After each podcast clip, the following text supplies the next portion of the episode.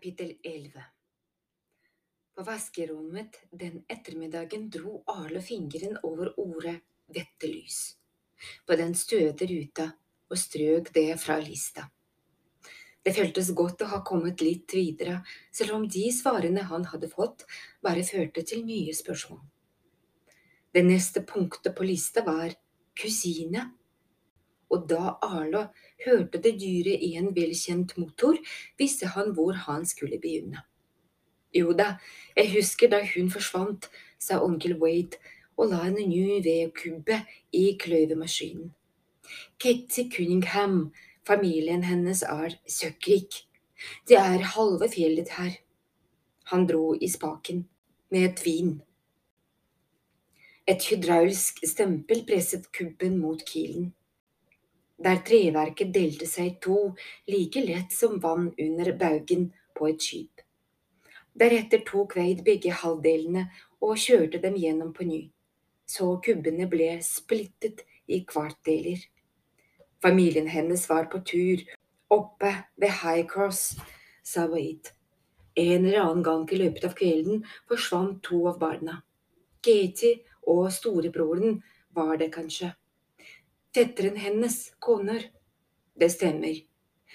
Wade fortsatte å kløyve vedkubber mens han fortalte. Jeg var med og gikk Mangar den første uka eller så. De sendte oss ut til lag på fire og tildelte oss områder å gjennomsøke. Iblant hadde vi med hunder hvis de hadde noen vi fikk låne. Fly og helikoptre søkte fra lufta. Men hvordan kan en unge vite hvordan man signaliserer til et fly? Etter en ukers tid tenkte jeg at de sannsynligvis hadde omkommet. Kanskje en fjelløve hadde tatt dem. Da gutten kom til rette i Canada, ble jeg forbauset. Men ikke veldig forbauset. Hvorfor ikke?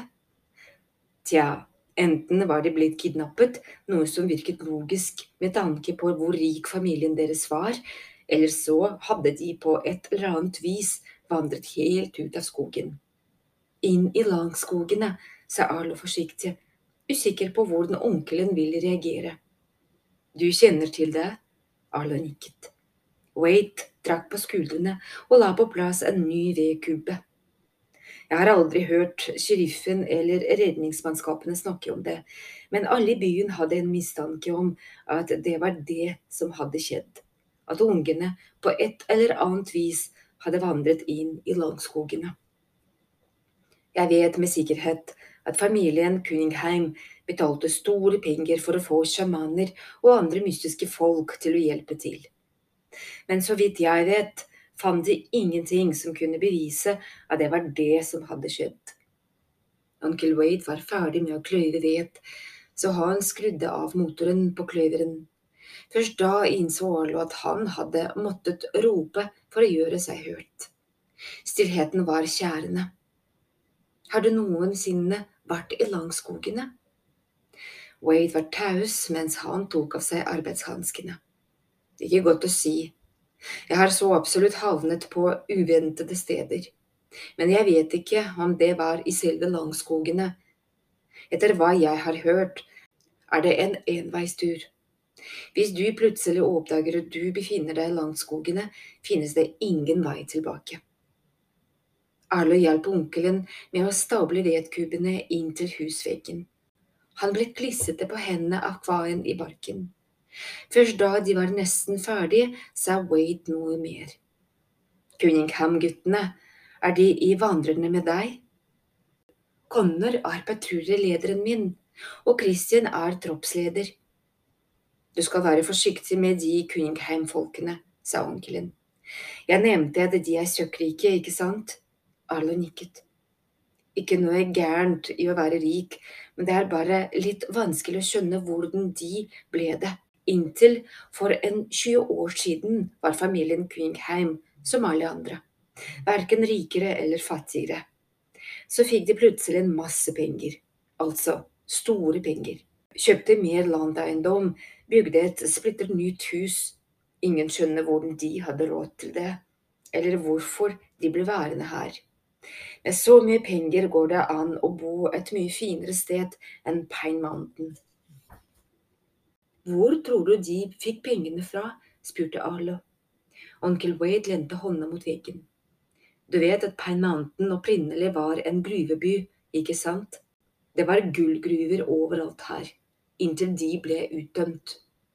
Noen av de gamle gruvene ligger på familien Cunninghams eiendom. Tror du de fant gull? Noen sier så, men at utvinne gull er ikke noe man gjør i det stille. Hvis det var det de drev med, ville vi ha merket det. Det ville ha vært lastebiler og utstyr og slag i elva. Men det har ikke vært tegn til noe sånt. Så hva tror du det kommer av? Wade snakket lavere. Arlo fikk på følelsen at dette var første gang onkelen uttrykte teorien sin høyt. Du vet at landskogene strekker seg overalt. Altså jeg vil tro at det også gjelder under bakken. Nede i gruvene. Kanskje familien Cunningham er i kompaniskap med noen som ikke er fra våre kanter. Arlo husket ordet fra bestiariet. Det hinsidige, sa han. Wade så på Arlo, forbauset og imponert. Du lærer fort. Arlo smilte. La oss si det er det hinsidige. Hvis familien Cunningham har inngått en avtale med sånne typer, er det plutselig ikke fullt så rart hvis to av Cunningham-barna havnet i landskogene. Du tror de ble bortført? Onkel Wade trakk på skuldrene. Jeg bare spekulerer. Men uansett, av hensyn til din egen sikkerhet, foreslår jeg at du holder deg under Kuningheim-folkene. Best å ikke rote seg bort i problemene deres. Arlo vasket hendene på kjøkkenet, prøvde å få bort kvaen. Vanlig såpe var helt ubrukelig. Han måtte bruke det grønne, Rui såpestykket onkelen hadde stående i vinduskarmen. Det som så ut som om det var lagd av kokte frosker og sandpapir. Det skummet nesten ikke, men det fikk da has på det klissete stoffet.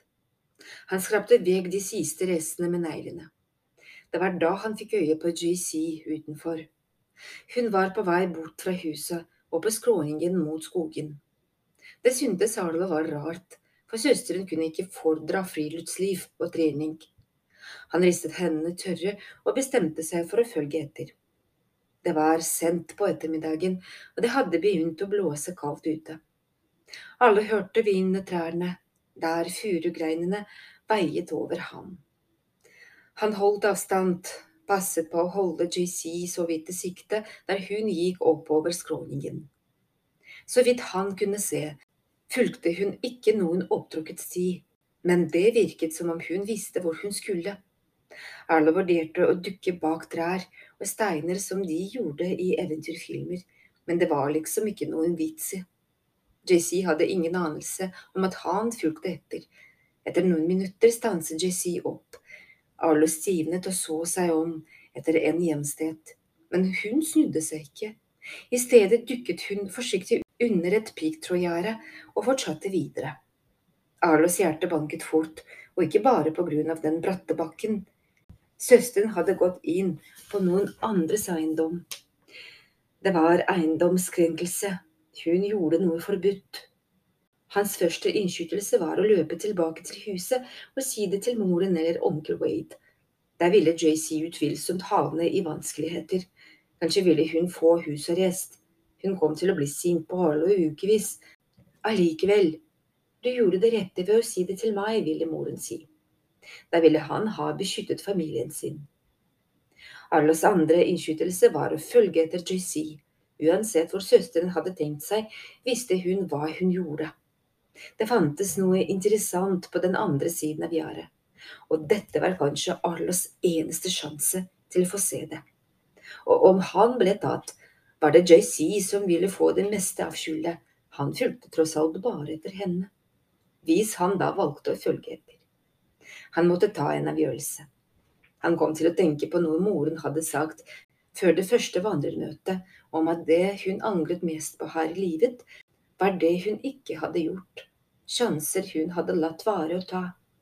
Det er kanskje litt rart å bruke morens råd som unnskyldning for å gå ulovlig inn på en annens eiendom, men etter at de kom til Pine Mountain, hadde alt vært litt rart. Han gikk bort til gjerdet og klatret forsiktig mellom den andre og tredje piggtråden. Idet han reiste seg, merket han at han ble rykket bakover. Noe hadde gripet fatt i ham og prøvde å kvele ham. Han hikstet av panikk.